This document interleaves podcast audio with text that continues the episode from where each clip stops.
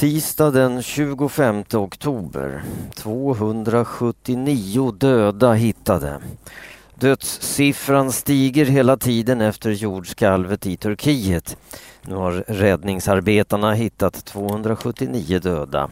Men experterna tror att många fler döda kommer att hittas. Hundratals människor saknas efter jordbävningen. Fler än 500 människor kan ha dött i jordbävningen, tror myndigheterna.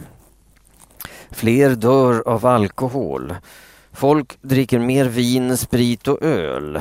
Alkoholdrickandet har ökat med 10 procent de senaste 15 åren. Det visar en ny undersökning som presenterades på måndagen.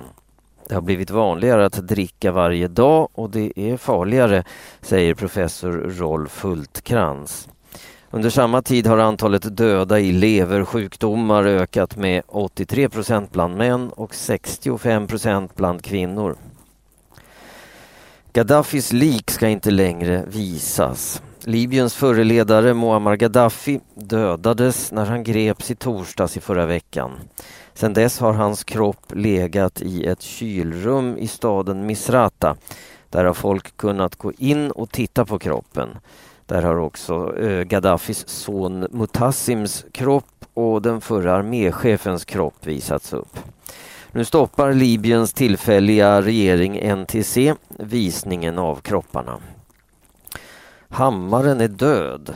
Den kände bordtennisspelaren Kjell Johansson är död. Han blev 65 år gammal.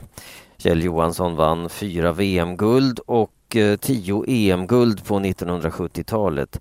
Han fick också bragdmedaljen och var utsedd till världens bästa spelare 1973. Men han lyckades inte bli världsmästare i singel. De flesta medaljerna vann han i dubbel eller lag. Kjell Johansson kallades Hammaren för att han hade världens hårdaste slag. Islamistiskt parti kan vinna i Tunisien. Många tunisiska kvinnor oroade sig för att det skulle gå bra för det islamistiska partiet i valet och det var precis vad som hände. Det islamistiska partiet Ennahda fick många röster i valet och blir troligen det största partiet i landet. Många experter tror att partiet får omkring 30 procent av rösterna.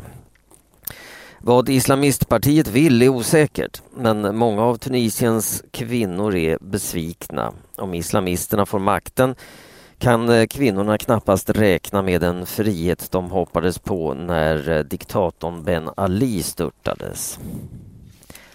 Minst 50 Gaddafi-anhängare avrättades. Människorättsorganisationen HRV säger att de nya ledarna i Libyen bryter mot reglerna om mänskliga rättigheter. 50 av Gaddafis soldater har hittats döda i ett hotell i staden Sirte. Alla var skjutna i huvudet, en del av dem var bakbundna. HRV kräver nu att Libyens tillfälliga regering NTC undersöker det som har hänt och straffar de skyldiga.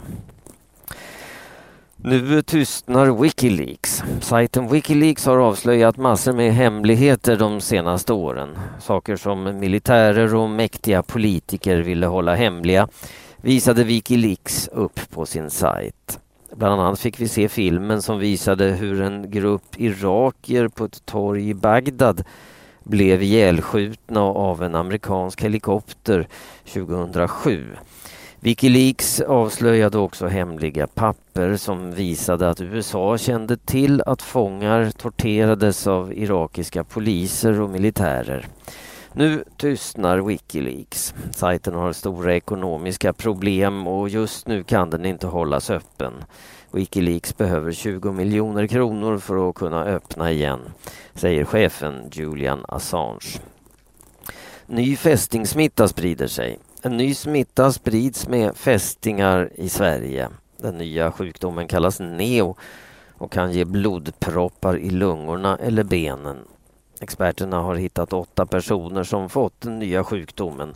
Tre av dem är svenskar. Den som smittas får hög feber, värk i kroppen och hosta. Antibiotika är den medicin som hjälper mot bakterien. Omkring 10 procent av fästingarna i södra Sverige bär på den här smittan. Svennis fick sparken. Den svenska fotbollstränaren Sven-Göran Eriksson har den senaste tiden tränat det engelska laget Leicester. Målet var att ta laget från andra ligan upp i Premier League. Men det har inte gått bra för Leicester i år. Laget ligger nu på trettonde plats i tabellen och nu tvingas Svennis sluta. Svennis har haft många olika tränarjobb den, eh, de senaste åren. Det har inte gått så bra och Sven-Göran Eriksson har tvingats sluta. Nu har det alltså hänt igen. De flesta eh, experter tror att Sven-Göran Eriksson lätt kan hitta ett nytt jobb.